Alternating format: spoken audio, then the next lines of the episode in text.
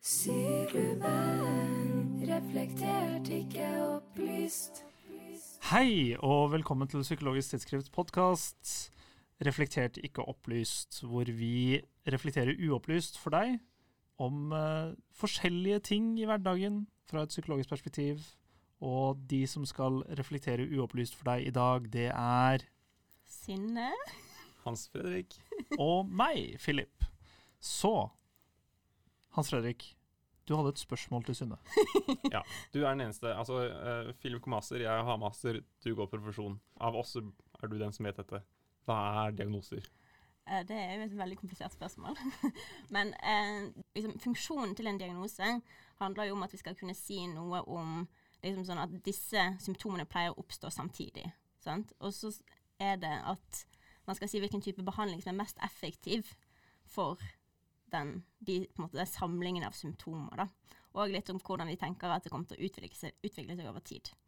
Diagnosene fungerer jo litt sånn ulikt innenfor somatikken versus psykiatrien. At i somatikken så er de veldig opphengt i hva er årsaken til symptomene. Mens den luksusen har vi ikke helt i psykiatrien, der det er på en måte primært observasjon av atferd. Så det er kun eh, et symptombilde som beskrives, ikke, ikke Ja, det er ikke så mye årsaksforklaringer, da. Det er noen som prøver seg litt, men det primært sett så er det observasjon av atferd og symptomer. Hvordan blir det for en vitenskap? En veldig dårlig en. Det skal sies at somatikken har mye dårlig vitenskap de òg, da. Så vi er ikke helt uh, på bærtur. Men, men hva, hva, hva er galt med diagnosesystemet? Funker det ikke bra? ulike svar for ulike folk. Jeg vil jo si at problemet med diagnoser er jo hvordan de benyttes ut ifra hva de er. Så når du på en måte tvinger folk, sånn som jeg kommer til å være en gang i fremtiden, en psykolog, til å sette diagnoser, når det er så vekslende vitenskapelig grunnlag for de diagnosene, så syns jeg at det blir ganske problematisk, da. Kan vi ikke bare sette diagnosen som passer? Eh, jo, det hadde jo vært ideelt å bare sette diagnosen som passer, hvis det var så enkelt, da. Men det er jo veldig mye overlapp mellom de ulike liksom, diagnosene, da. Siden du ikke kan ta en blodprøve for å si du er deprimert eller du har angst, så gjør det veldig vanskelig å sette sikre diagnoser, da. Vi prøver jo veldig hardt innenfor psykologien å late som at vi er noe annet enn det vi er, og at det finnes objektive sannheter der ute. Men for psykiatrien og de psykiatriske diagnosene Det vi, det vi egentlig prøver å, avklare, er jo uh, hva er det som er galt med diagnoser. Fordi nå har du begynt å ta dem litt i forsvar. Ja, det høres Det litt sånn ut. Ja, for det, det er jo, jeg har jo vært litt inne på hva funksjonen er. At vi skal f.eks. vite hvilken behandling som er den beste. Og ideen bak det er jo en veldig fin idé, men når det på en måte da For det første så er behandlingene litt så som så av og til. Eh, men også det at det er vanskelig, når det er vanskelig å skille mellom de ulike sykdommene, og man da insisterer på at man må sette en diagnose for å få riktig behandling, og behandlingene ikke egentlig alltid er så ulike. Må man sette diagnoser for å få behandling? Ja. Stort sett. er det som følge av et system, eller som følge av en reell, et reelt behov? Det er definitivt et system, systemrelatert problem, da. Fordi det er jo liksom at man skal ha eh, en måte å kunne kontrollere at folk gjør en god jobb. Sant? Så da må jo ting settes i system. Vi kan jo ikke på en måte gå tilbake til den tiden der psykologene kunne gjøre hva søren de ville. Da, det var ikke gode tider for pasienter.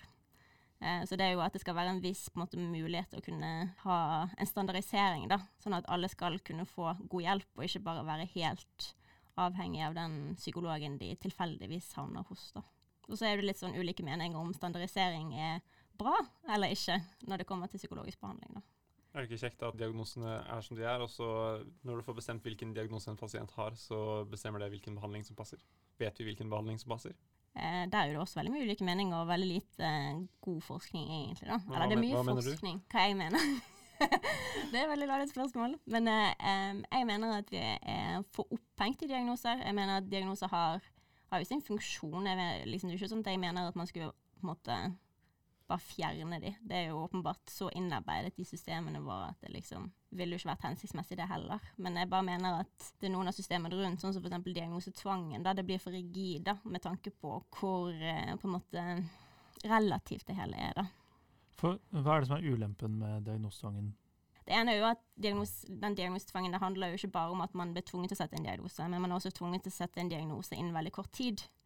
Innenfor iallfall sånn um, det offentlige helsevesenet på poliklinikker og sånn, så er du gjerne innen tredje timen Um, og det vil si at Innen første timen så skal du gjøre en en livshistorie og bare høre liksom, hva er problemet og hva har skjedd i livet ditt. Andre timen skal du gjøre et diagnostisk intervju, da, gjerne et standardisert intervju. Tredje timen konklusjon. Eh, og det er jo veldig hurtig, for det er jo en idé om effektivitet her. Sånn, at du skal, du skal få diagnosen din, og da kan du få behandlingen, og så kan du raskt gå ut av systemet, uten at det nødvendigvis kanskje er det beste for pasienten. da. Ikke at de skal gå i behandling over lang tid, men for de fleste så vil det kanskje ta mer enn to-tre timer å få den mest hensiktsmessige diagnosen. da. Finnes det en mest hensiktsmessig diagnose for alle? Nei, det er jo der på en måte diagnosesystemene er jo litt sånn litt dårlig. Det vil jo ikke fange opp alle. Og det er jo derfor på en måte, for alle problemer vi har, vil jo eksistere på et, på måte, et spektrum, eller i dimensjoner. da. Um, at det er fra liksom det normale følelset som alle har, og så går det på en måte over i det patologiske på et punkt. Men hvor akkurat det skillelinjen er, er jo helt umulig å vite. og Det går ikke an å operere ut ifra dimensjoner når man skal gjøre ting i system, så derfor setter vi ting i kategorier. Og kategorier er jo på en måte dessverre sånn at det er noen ting som faller utenfor. Og noe som faller eh, innenfor, som egentlig burde vært utenfor? Og Ja, og, og det er liksom vanskelig akkurat det der, for det er jo veldig mange diskusjoner rundt sånn om man på en måte overdiagnostiserer visse diagnoser, og man snakker om motediagnoser, og Mm. vi hører jo hele tiden i forelesningene våre at liksom sånn Tidligere så var det denne diagnosen som ble satt, og nå er det denne som ble satt. Og det er jo på en måte mye med hvilke briller man ser, da. Så på en måte det, siden det er mye overlapp, så er det lett å tolke ulike diagnoser, eller ulike symptomer til å være ulike diagnoser. da. Alt etter sånn hva folk har mest fremme i tankene. da. Det er vel også noe med at med de systemene som er rundt, så er det noen diagnoser som innebærer fordeler, og noen som kan innebære ulemper da, for pasienten. Ja, og det er jo også på en måte en av problemene med diagnoser, at det er på en måte veldig sånn blitt litt verdiladet, da. At det er noen diagnoser som er gode å ha, noen som er kjipe å ha. Og har diagnosen emosjonelt ustabil personlighetsforstyrrelse er mye, mye mer stigmatisert og mye vanskeligere å ha når du skal møte helsepersonell, enn om du har posttraumatisk stresslidelse Mm. ganske like, ikke så ulike symptomer gjerne.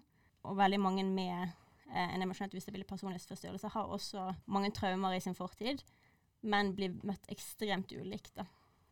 Fordi at det er en ulik oppfatning om hva en diagnose, den diagnosen innebærer. da. Og der er det vel også en, en forskjell i kausalitet. Altså man antar at dette er noe som er medfødt, heller enn at det er noe som er påført gjennom oppveksten. Ikke, med, med, ikke nødvendigvis medfødt, men eh, det er noe som på en måte har utviklet seg tidlig, Mm. og i mer, større grad er på en måte antatt å vedvare da, eh, over tid. Mens en posttraumatisk stressdiagnose i større grad på en måte vil behandles som eh, Det er jo en reaksjon på noe som kan behandles, og dermed er det litt mer separat fra hvem man er. Og det er jo det som er på en måte litt av eh, kanskje problemene med personlighetsforstyrrelsesdiagnosene generelt. da, At de på en måte blir noe veldig annet. De blir noe veldig om personen. da, At det i hvert er sånn det kan oppleves å få en sånn diagnose. At det er noe galt med, ved, liksom, at det er noe galt med deg heller enn noe du har. da. Altså, det er kronisk per definisjon. Ja, I større grad iallfall. Kan vel også da oppleves som å være definert ut fra det man ikke klarer å behandle per i dag. Ja. nå er jo det på en måte blitt det er jo blitt bedre, for det har jo vært for mye fokus på de, de som har emosjonelt ustabil personlighetsforstyrrelse. Så der har det vært ganske mye forskning og har på en måte funnet bedre behandlinger enn det vi har hatt før. Men det er jo en av de vanskeligste diagnosene å få, vil jeg tro. da. Sånn å ha med seg i systemet. da. Vil du eh, ha det i bakhodet hvis du noen gang skal sette diagnosen personlighetsforstyrrelse? Eller er at, at det når, om det blir aktuelt? Man skal jo sette den diagnosen man opplever passer best, uavhengig egentlig av om den vil være mer stigmatiserende eller mindre stigmatiserende. Eh, men jeg mener jo at kanskje personlighetsforstyrrelsesdiagnoser burde settes Enten burde de settes sjeldnere, eller så burde man gjøre noe med systemene som gjør at det er så vanskelig å få en sånn diagnose. Da. Og det er jo sånn fra min på en måte, erfaring med å ha sett eh, mange ulike pasienter, så har eh, spesielt kanskje de pasientene en tendens til å ende opp med veldig mange diagnoser òg. Og det er et annet problem med på en måte, diagnosesystemet i dag, er at de har en tendens til å hope seg opp. Da. Det er ikke alltid like gode rutiner på avdiagnostisering som det er på å legge til nye. Da. For det, det er jo sånn, Man skal jo kunne sette flere diagnoser på en person, det er er på en måte veiledende. Men de skal ikke, de skal ikke forklare det samme. da. Så hvis du har en person med et ustabilt emosjonsliv, så kan du ikke på en måte både sette en bipolar diagnose på den fluktueringen, samtidig som du setter en emosjonelt ustabil personlighetsforstyrrelse på det samme symptomet. Det er jo overlapp. Kan det tenkes at det forårsaket av det samme? Ja, det, akkurat med forårsaker så er det skikkelig skikkelig vanskelig. Ja, det skal jeg, jeg synse på etterpå. det. Du har noen, du har noen tanker Jeg om har det? noen tanker der. Ja, du er velkommen til å synse nå òg. Ja, hva syns du? eh, det er veldig interessant det du sier om eh, overlapp mellom diagnoser, at det er veldig vanlig å ha flere diagnoser. Komorbiditet, som det heter. Ja, vi får jo hele tiden beskjed om at uh, komorbiditet er liksom Normen. normen, Mm. og ikke liksom å ha én en enkelt diagnose mer unntaket. da. Så Det forteller jo meg at dette er egentlig ikke forskjellige ting, hvis det opererer i, i så stor grad. De aller fleste psykiske lidelser, både depresjon, personlighetsforstyrrelser, særlig schizofreni, er veldig arvbare. Som betyr at eh, mye av eh, variasjonen i symptombildet skyldes genetiske forskjeller. Arvbarheten går enda lenger opp hvis du istedenfor å spørre om noen har fått diagnosen eller ikke, bare måler symptombildet. Da får du arvbarhet på schizofreni på eh, 90% f.eks. Det som er, dette er jo eh, basert mye på tvillingstudier. Ikke sant? Eh, hvis tvillingen din har schizofreni, så er det jeg husker ikke akkurat prosentandelen, men sånn 50% sannsynlighet for at du også har det. Som er, og det er mye høyere enn for toeggede tvillinger. Men hvis tvillingen din har bipolar lidelse, så er det også veldig stor sannsynlighet for at du får eh, diagnosen schizofreni Mm. eller at du viser de symptomene. Og eh, slike sammenhenger finnes mellom veldig mange ulike psykiske lidelser, som tyder på at her er det mye av Det er mye genetisk overlapp i de eh, årsakene som ligger bak. Eller det er faktisk noen som da har, har foreslått at istedenfor at vi snakker om alle disse her ulike diagnosene, så bør vi snakke om en P-faktor, på samme måte som vi snakker om en eh, G-faktor i intelligens. Det finnes masse ulike former for intelligens, verbal intelligens, uh, matteintelligens. Men det korrelerer såpass mye. Hvis du er flink på det ene, så er du antakelig flink på det andre. Sånn at den beste beskrivelsen av intelligens er som én ting. Det er noen som foreslår at det samme gjelder psykiske lidelser. Så at du har en P-faktor, uh, psychopathology, eller bare pathology factor, Det innebærer at hvis du har litt symptomer som, er, som samsvarer med en schizofrenidiagnose, så har du også antagelig symptomer som samsvarer litt med en bipolar lidelsesdiagnose også.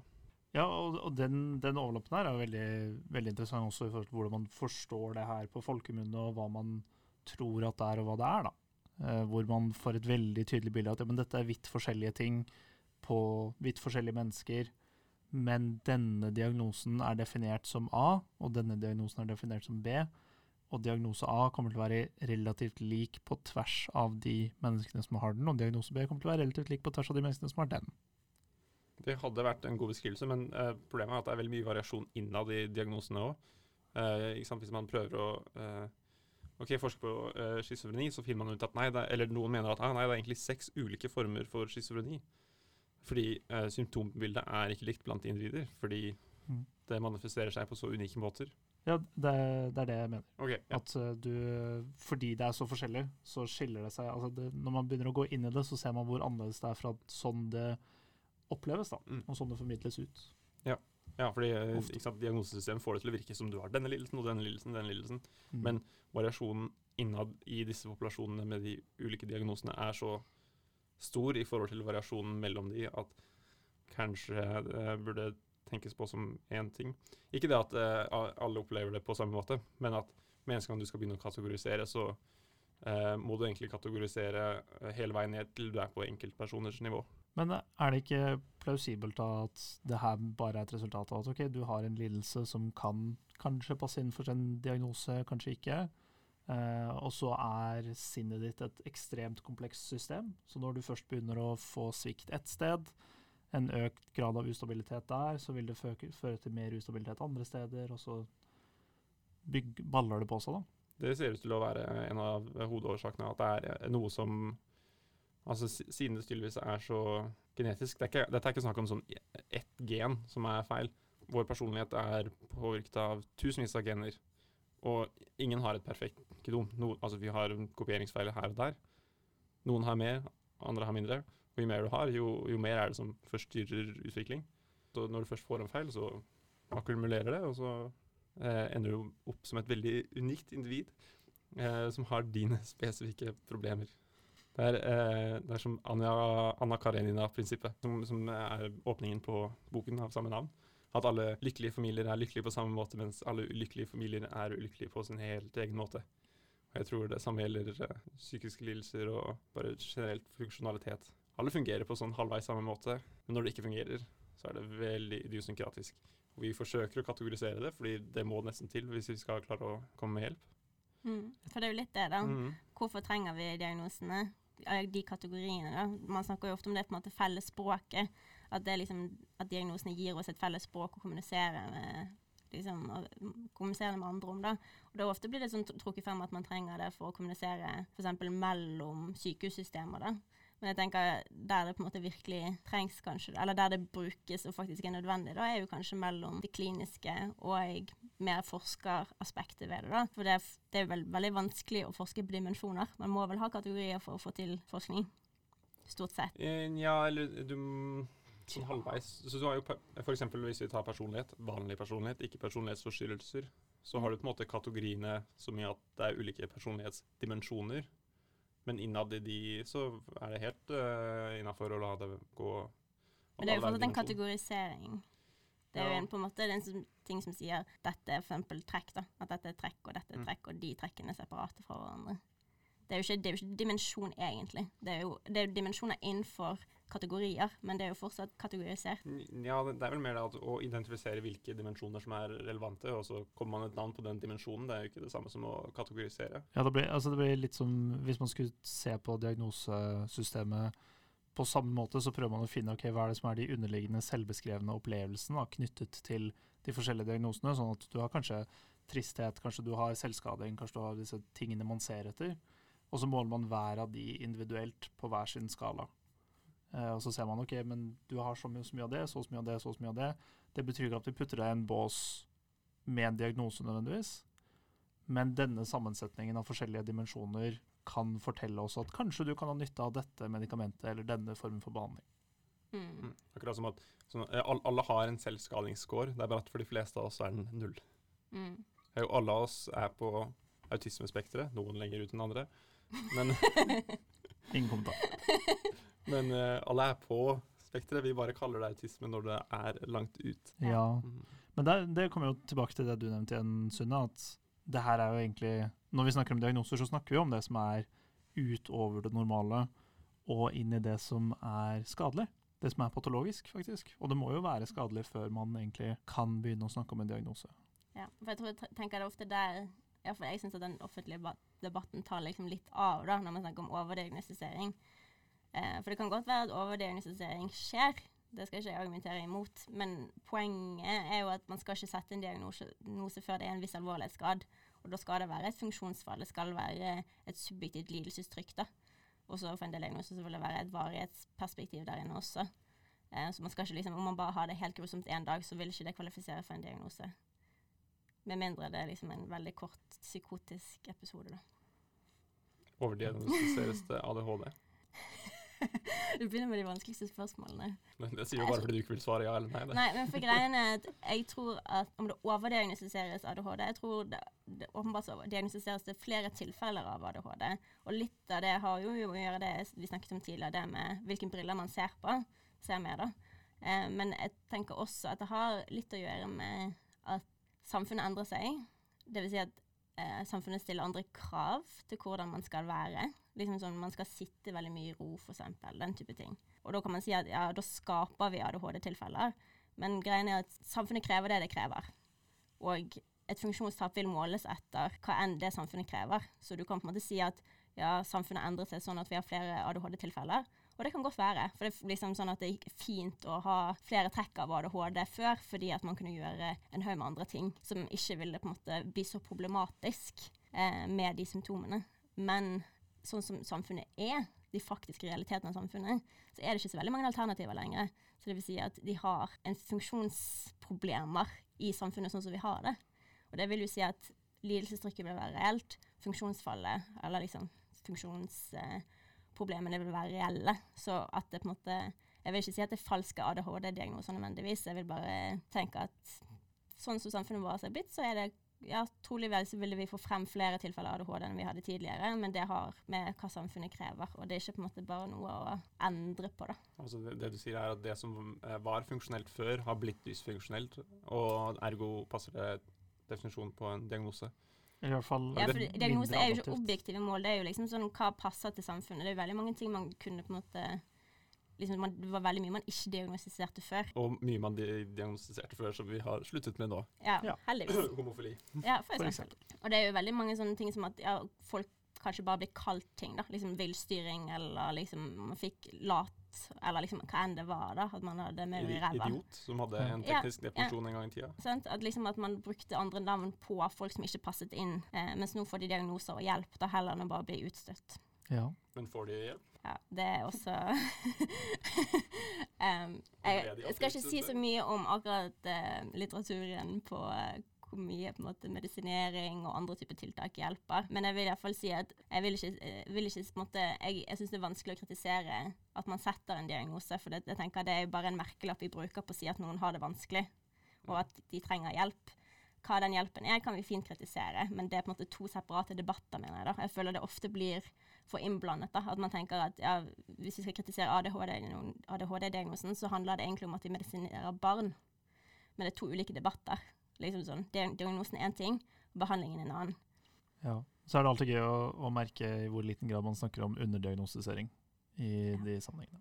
Og alle de som kanskje kunne hatt glede av litt medisiner, Hans Fredrik, som ikke Jeg er veldig stolt av at jeg har fått master uten å ta Ritalin. jeg. Ja, men det er jo det, da. Hvis man trenger det, eller hvis man trenger hjelp, så skal man kunne få hjelp. Hvis man klarer seg uten, så er jo på en måte ikke egentlig kravene for en diagnose møtt. Det minner om eh, Det er jo litt eh, Ikke nødvendigvis et symptom på underdiagnostisering, men eh, bare eh, en kuriositet med tanke på diagnosesystemet. At um, hvis du er relativt oppegående, funksjonell, smart, så kan du takle sterkere symptomer. F.eks. Med, med ADHD eller eh, litt Asperger-trekk. Du kan på en måte kompensere litt. eh, Som, som gjør at du kanskje ikke får en diagnose tidlig. Ja. Mens, eh, mens symptombildet ditt egentlig er like ille som andre som bare ikke er like funksjonelt. Er det, ja, eller, det er vel egentlig ikke et problem, men eh, Ja, kanskje, Symptombildet vil jo ikke være like ille. Fordi du, du har det jo Altså Symptombildet sånn sett, går jo på hva er det du får til, hva er det du ikke får til, hvordan går det her egentlig. og og subjektivt sånn, lidelsesuttrykk. sant? Ja. Men, det, men jeg tror nok det er i stor grad litt sånn det som vi var eh, inne på her tidligere òg. det her med hva, hva er på en måte det normale, hva er det normale trykket, hva er det som er det ordinære opp mot det ekstraordinære. At vi har nok i veldig liten grad en god forståelse av hva som er normalt og hva som ikke er det. Så det går litt på eh, hva er det man forventer at er noe alle egentlig opplever og alle egentlig gjør, og hva er det man forventer at, eh, at er annerledes, da. Og hvor gode er vi i den debatten på når vi snakker om diagnoser, f.eks. Og tydeliggjøre at ok, men det er ikke sånn at hvis du har en diagnose, så kommer det til å være så åpenbart for deg at du er syk, eller at du har en utfordring, at den skal du oppsøke hjelp for. For det er de store problemene vi har, er at folk ikke ber om hjelp når de trenger det. Så hva er en bedre løsning? Det er jo kanskje den store svakheten med all denne kritiseringen av diagnosesystemet. og sånn at det er vanskelig å komme opp med et godt alternativ, for det, har egentlig ikke blitt lagd så veldig mange andre alternativer til hvordan man kan organisere systemer. og Det har blitt lagd noen, jeg er klar over det, men, eh, men hvordan det på en måte kan gjøres på en stor skala, er liksom vanskeligere um, å på en måte komme med en perfekt løsning, da. Jeg har et forslag som jeg ikke har tenkt på. Jeg kom på det akkurat okay. nå. Det er ikke gjennomtenkt. Det kan hende at det faller sammen med en gang jeg begynner å prate. Og det kan hende at det er et umulig prosjekt. Så med disse forbeholdene um, Hva om det går an å utvikle en slags personlighetstest? Ikke en personlighetstest, men liksom at du bruker samme type logikk. At du klarer å måle folks eh, symptombilde i ulike relevante dimensjoner. Altså Fordelen med moderne personlighetstester, ikke de der tullete Myers-Briggs eh, som fortsatt er populære, dessverre, men, men altså det som er fordelen med Big Five, er at det ikke plasserer deg i kategorier, men samtidig så gir det deg et veldig godt bilde på eh, hvem du er, som, som er veldig prediktiv for fremtidig atferd. Hvis vi klarer å få til noe lignende for et symptombilde uten å føle trangen for å kategorisere, da. Okay, vi ser at du scorer høyt på denne her eh, dimensjonen, disse typer symptomene, ikke så mye på dette her, osv. Vi må jo selvfølgelig sette et, et slags kriterium et eller annet plass. Det, sånn er det bare. Eh, akkurat som vi må, vi må bli 18 før vi kan kjøpe øl, selv om noen antagelig hadde godt kunnet kjøpe det fra 17, og noen burde vente et par år til. Men kanskje det er en bedre løsning? Jeg tenker jeg føler at systemet som det er i dag, er jo så langt ifra optimalt som omtrent kommer. Så et nytt system hadde jo Man må jo på en måte bare prøve det, og se om man kan få det til å fungere. Et uh, relatert problem er jo, det- vi var jo så vidt inne på det, om liksom, funksjonalitet, dysfunksjonalitet og, og lidelse. Fordi det er jo en del personlighetsforstyrrelser, f.eks. Eh, antisosial personlighetsforstyrrelse, som egentlig ikke er så ille å ha, høres det ut som. Bare fører til ille ting. Ja, det fører til ille eh, ting for, Det har store konsekvenser. ja, for alle Mm. rundt, ja. Og, og for personen selv, men, men sånn Ofte for personen sjøl òg. Ja, men du har ikke samme eh, lidelsesaspekt, da. Nei. Så fordi okay, vi vil Enten så vil vi definere diagnoser, som vi har vært halvveis gjorde i stad, ut fra hvor funksjonell du er. Det har mer om funksjonsfall å gjøre, da. I de fleste diagnoser. Så vil det si at man går ut, tar utgangspunkt i den funksjonen man har på baseline, og så Men det kommer jo an på diagnosen. Det vil jo være noe annet for en ADHD-diagnose, f.eks. For fordi at det er mer sånn Ja, altså hvis, eh, utviklings... hvis det handler om eller funksjonsfall, så vil man jo håpe at man er eh, funksjonell i oppveksten. Eh, ja, iallfall ha et visst nivå. Men folk har jo vidt ulike nivåer av funksjon. Så, så Mm. for eksempel når man skal måle om noen er deprimert, så kan ikke man ta utgangspunkt i gjennomsnittlig funksjon. Man må ta utgangspunkt i den funksjonen folk har hatt, stort sett. da. Så hvis en person bare er deppa, er det vanskeligere å si at en personen er deprimert. Fordi den har ikke falt så Han eller hun har ikke falt så mye. Altså, det, det går jo an å bare være en person som er litt mer nedfor enn andre. Det er en underfasett på nevrotisisme. Er eh, forresten, apropos det der, den underfasetten på nevrotisisme. Hvordan er det egentlig ulikt fra, liksom, ulikt fra depresjon? Jeg skjønner liksom sånn, ikke det er på en måte bare sånn halvveis mål på depresjon. Ja, du er profesjonsstudenten her, da. Ja, ja, men, men jeg, det, det, jeg har jo stilt dette spørsmålet sjøl, men jeg føler jo ingen som svarer meg skikkelig. Jeg tror det er eh, Fordi det- liksom, hvis du scorer veldig lavt på det trekket, da blir det liksom For det er jo nede, ikke det? Ja, Nei, altså hvis du skårer scorer lavt, så er du ikke OK, depressiv av deg. høyt, da. Ja. Høyt Ja. på det trekket. Um, vil ikke man også da være som regel deprimert? Veldig høyt? Men Altså, hvis du snakker om funksjonsfall, så ja. ja. Altså, ja, altså hvis, du scorer, hvis du er deprimert, så er det kanskje sannsynlig at du scorer veldig høyt på det. Ja. Men det betyr ikke at du nødvendigvis scorer høyt på det fordi du er deprimert. Det vil være veldig mange andre ting der som spiller inn. Da. Med en bare du har en basert på spørsmålene som er Ja. der, så er jo de veldig like De er ikke så ulike fra de vi bruker i en diagnosevurdering.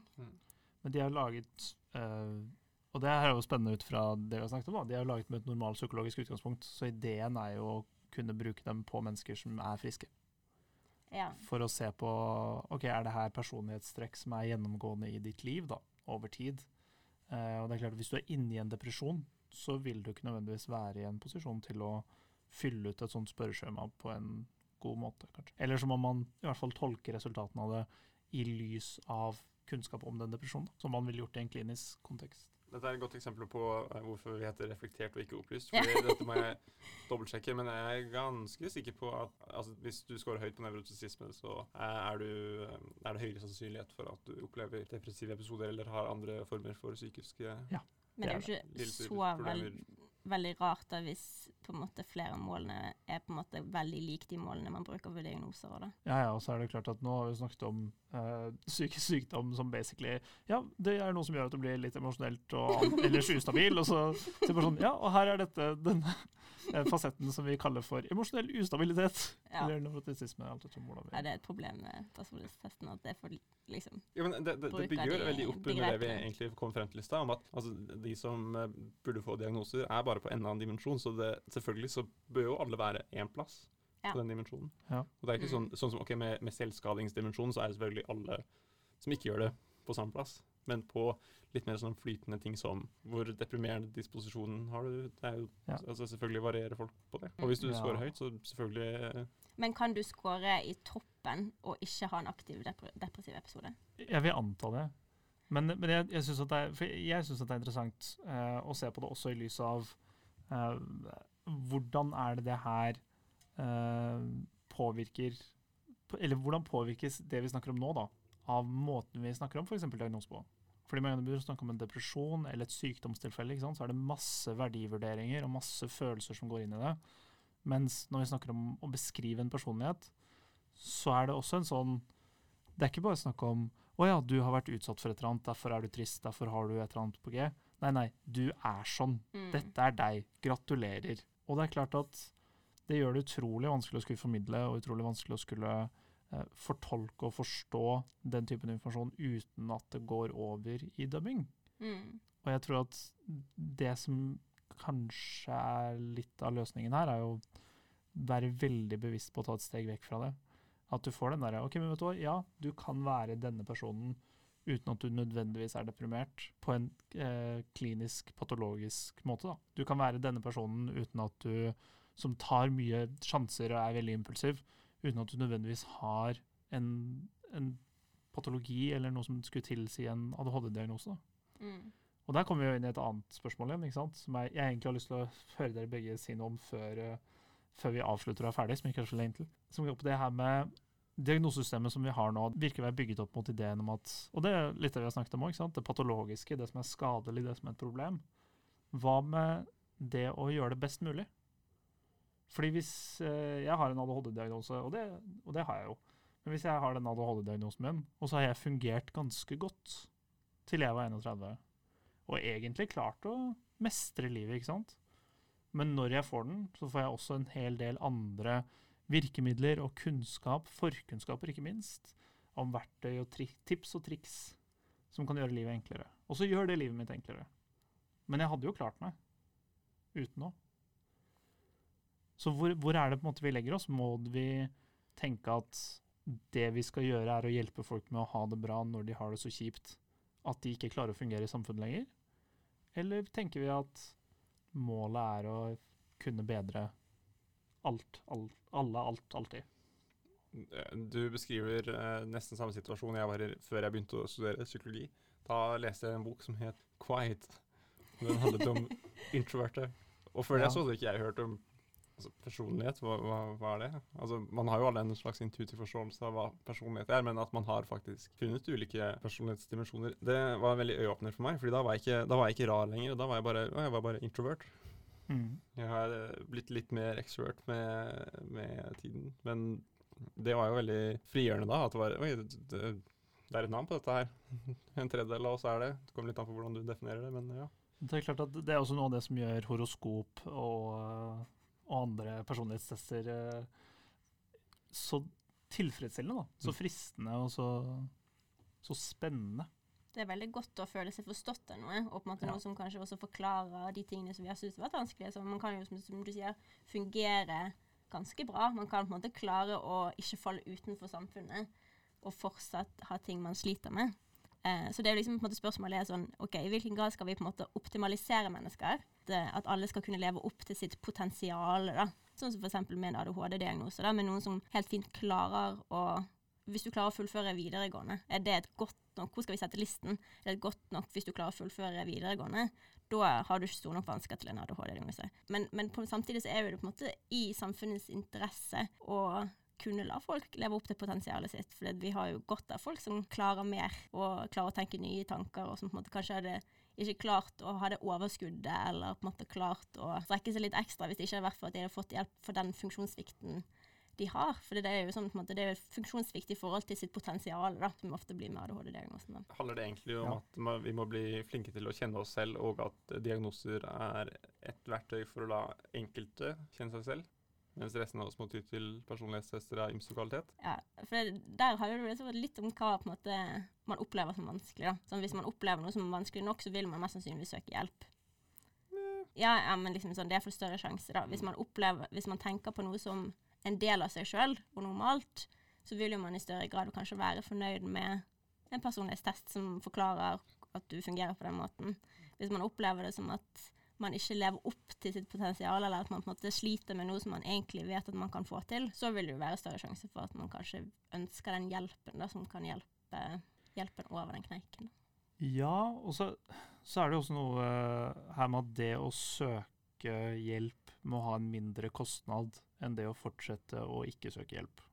Mm. Uh, og det er jo en sånn skamgreie, og det er en del utfordringer knyttet til det å skulle be om hjelp for noe som er en psykisk lidelse, kanskje spesielt hvis man opplever at ja, men jeg har jo ikke egentlig problemer. Mm. Se på disse folka, de har det tungt de. Mm. Sant? Hvorfor skal, hvorfor skal jeg få hjelp? Men også enda mer, hvordan skal jeg kunne innrømme at jeg trenger hjelp? Ja, det, er, jo- det er jo vanskelig, for man snakker jo på en måte om at det er viktig med mer åpenhet, og så samtidig så snakker man om at denne åpenheten fører til at folk ikke takler sine helt naturlige og normalpsykologiske følelser. Da. Um, og jeg tror at åpenheten eh, Ja, kanskje at det gjør at folk kjenner mer etter enn hva som er nyttig for dem. Samtidig så tror jeg at den kritikken av åpenheten gjør at de som egentlig trenger hjelp, ikke tør å spørre om den hjelpen fordi at det blir for lett å gå inn i en selvkritisk modus der man tenker ja, men jeg har det ikke så ille. Litt sånn som du sier, Philip. At det blir vel, da blir det liksom eh, Det blir for stor barriere igjen, da. Så det er liksom en sånn på en måte dobbelthet der at det samtidig som det åpnes mer opp, så lukkes det også eh, for noen, da. Fordi at den på måte, offentlige debatten er såpass eh, polarisert, da. Enten er det full frihet, eller så er det liksom altfor mye frihet. Ja, uansett så går det til helvete. Ja, det kan vi trøste oss med. Så hva er det vi tar med oss, da? Nei, det går til helvete. Det går til helvete, er det det som er slutningen? Det går til helvete, og vi har et lite veleidet diagnosesystem. Um, jeg tror lærdommen er at diagnose, diagnosen sånn som de er i dag, har for mye makt i sin på en måte form. At det er liksom sånn at de, vi både på en måte, man tvinges både til å få diagnoser hvis man skal få hjelp, og man tvinges til å sette diagnoser når man er en kliniker. Det er det som utløser alle rettigheter, sånn innenfor Nav-systemet og sånn. Og der kan det også være viktig å ha de riktige diagnosene for å få mest og best mulig hjelp. Og er det også at liksom sånn for eksempel det er også innenfor rettsvesenet. Hvilken diagnose du får i forbindelse med en dom, er kjempeviktig. Liksom ikke i forbindelse med en dom, men i, i løpet av en rettssaksprosess. da. Hvilken diagnose man får der, har kjempemye å si på utilregnelighet, om man tenker at folk eh, Hvor stor gjentagelsesfare det er for at man skal på en måte, Er det noe håp om at man ikke skal leve et kriminelt liv? da? At alle disse tingene, diagnosene, har ekstremt mye makt. Samtidig som at de er kanskje såpass svake da, som kategorier eh, at det ikke er egentlig helt forsvarlig, sånn som det gjøres i dag. Ja. Det var kloke ord, eh, Sunne. Jeg prøver. Og jeg tror vi avslutter der. Tusen takk eh, for at du har vært med oss eh, og lyttet. Vi har vært Synne? Hans Fredrik? og Philip. Og vi er alle sammen i redaksjonen til Psykologisk tidsskrift. Og om du kunne tenke deg å være i redaksjonen til Psykologisk tidsskrift, om det er fordi du har et radiotryne, eller om det er fordi du syns det er gøy med psykologi og har lyst til å lære mer eh, og benytte en mulighet til å fordype deg i ny og spennende kunnskap, så er det bare å ta kontakt. Tusen takk for oss. Reflektert, ikke opplyst.